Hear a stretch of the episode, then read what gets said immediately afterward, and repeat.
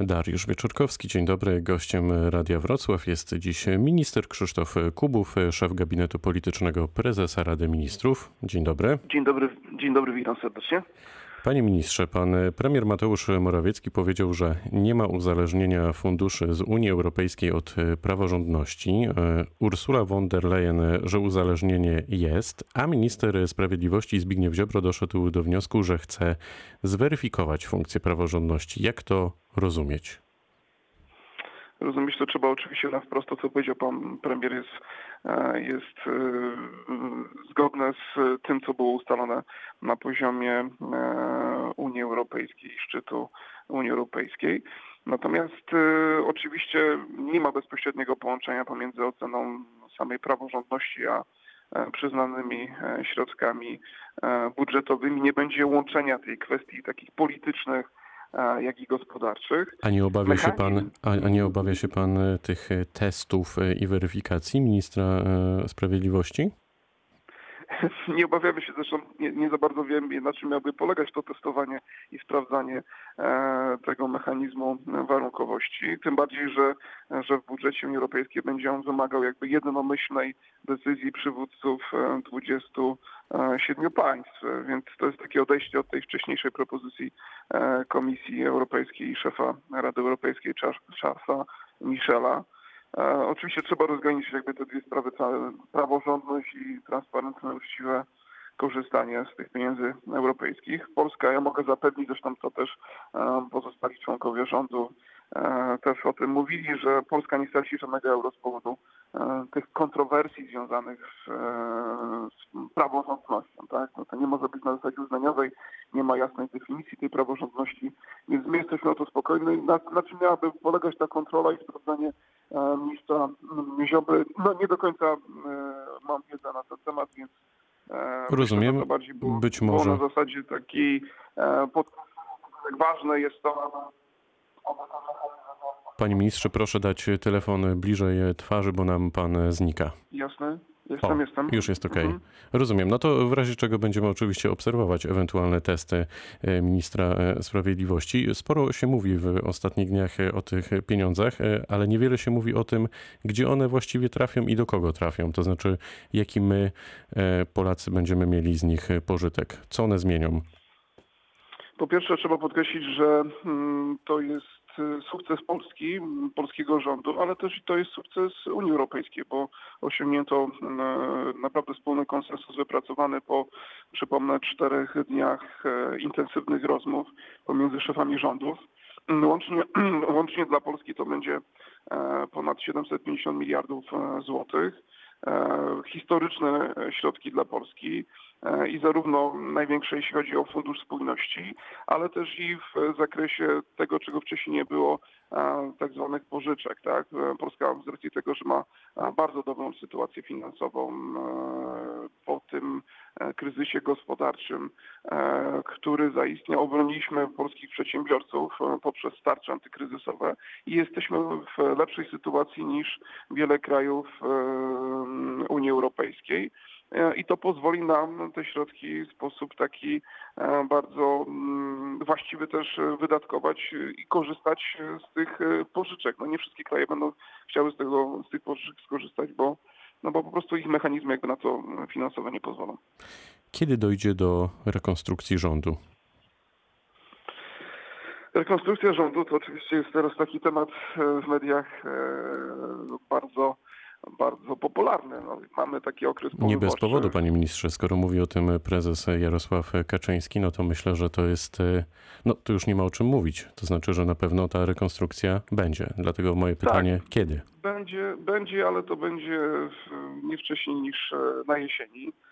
Oczywiście trwają, będą trwały jakieś ustalenia. To jeszcze dzisiaj nie jest ten czas, kiedy my będziemy przedstawiać jakiś szkic takiej rekonstrukcji. Decyzje personalne oczywiście będą należały do ścisłego kierownictwa Zjednoczonej prawicy i pana premiera Mateusza e, Morawieckiego. To jest to grono, które będzie też w jakiś sposób e, komunikować e, zmiany, reorganizację polskiego rządu.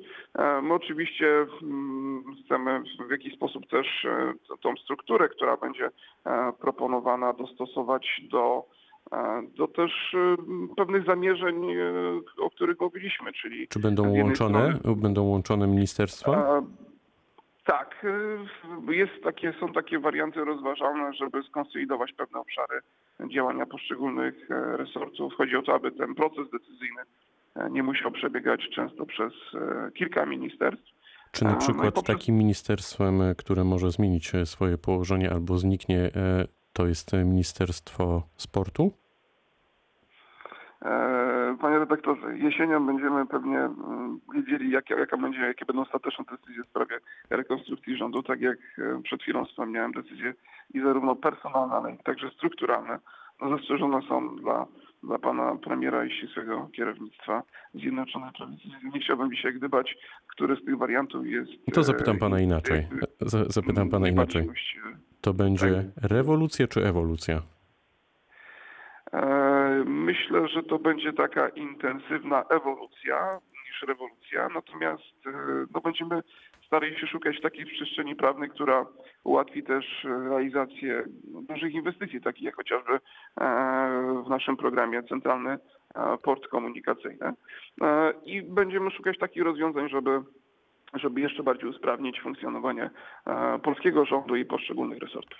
Jesienią e, też e, odbędzie się Kongres Prawa i Sprawiedliwości, czyli z jednej strony wakacje, jesteśmy już po wielu wyborach, ale wydaje się, że kolejne wybory przed nami. Czy to spotkanie przyniesie zmiany na tak zwanym szczycie? Na pewno mm, będziemy mieli w sierpniu wyjazdowe posiedzenie mm, Klubu Parlamentarnego Prawa i Sprawiedliwości, na którym też e, będziemy chcieli z jednej strony podsumować e, przebieg kampanii, przedyskutować e, kierunki działań na przyszłość.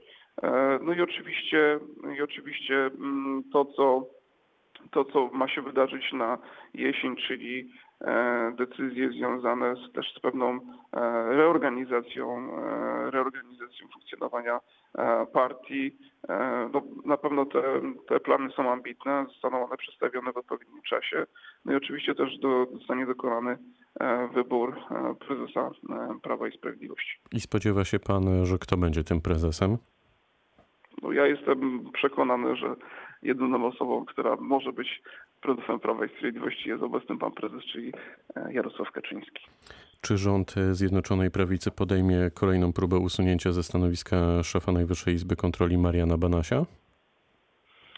E, w tej chwili nie ma takich e, dyskusji i rozmów na ten temat, natomiast e, jeżeli sytuacja związana, rozumiem, że pan redaktor nawiązuje do ostatniej publikacji jednego, jednej z e, gazet. Tak, to jeżeli... zatrzymajmy się mhm, tutaj. E, mhm. Historia, historię w zasadzie opisuje dziennik Gazeta Prawna o tym, że tu cytat. Jakub Banasie, syn kierującego nikiem Mariana Banasia, jest częstym gościem w siedzibie Najwyższej Izby Kontroli. No i zdaniem rozmówców gazety Jakub Banaś ma realny wpływ na funkcjonowanie Izby, a przede wszystkim na jej politykę kadrową. Koniec cytatu. Czy to nie jest niepokojące Pana zdaniem? No, po pierwsze należy to zweryfikować, tak? Tutaj nie, nie ulegamy emocjom pod wpływem e, poszczególnych publikacji. Trzeba zweryfikować, czy tak rzeczywiście jest i, i myślę, że na ten temat e, dyskusja na pewno będzie. Natomiast no, na ten moment nie ma, nie ma takich rozmów, jeśli chodzi o, o pana Banasia. Poczta Polska i Polska Wytwórnia Papierów Wartościowych e, poniosły koszty związane z organizacją majowych e, wyborów. E, czy te podmioty dostały już zwrot pieniędzy, no i kto właściwie za to zapłacił? No, oczywiście dostaną zwrot takich środków, ponieważ zostały zobligowane do przeprowadzenia zgodnie z terminem wyborów w maju. Przypomnę, że że rząd Prawa i Sprawiedliwości e, był w obowiązku przygotowania takich wyborów zgodnie z wyznaczonym e, terminem. I też przypomnę, że obstrukcja e, Senatu w tym zakresie spowodowała, że te wybory w maju nie mogły się odbyć. Odpowiedzialność za no, poniesione koszty e, związane z przygotowaniem takich wyborów e, ponosi opozycja i ta właśnie obstrukcja e, w, w działaniach, jeśli chodzi o przeprowadzenie tych wyborów. Pani Jarosław Gowin? czas- Panie ministrze, a nie Jarosław Gowin?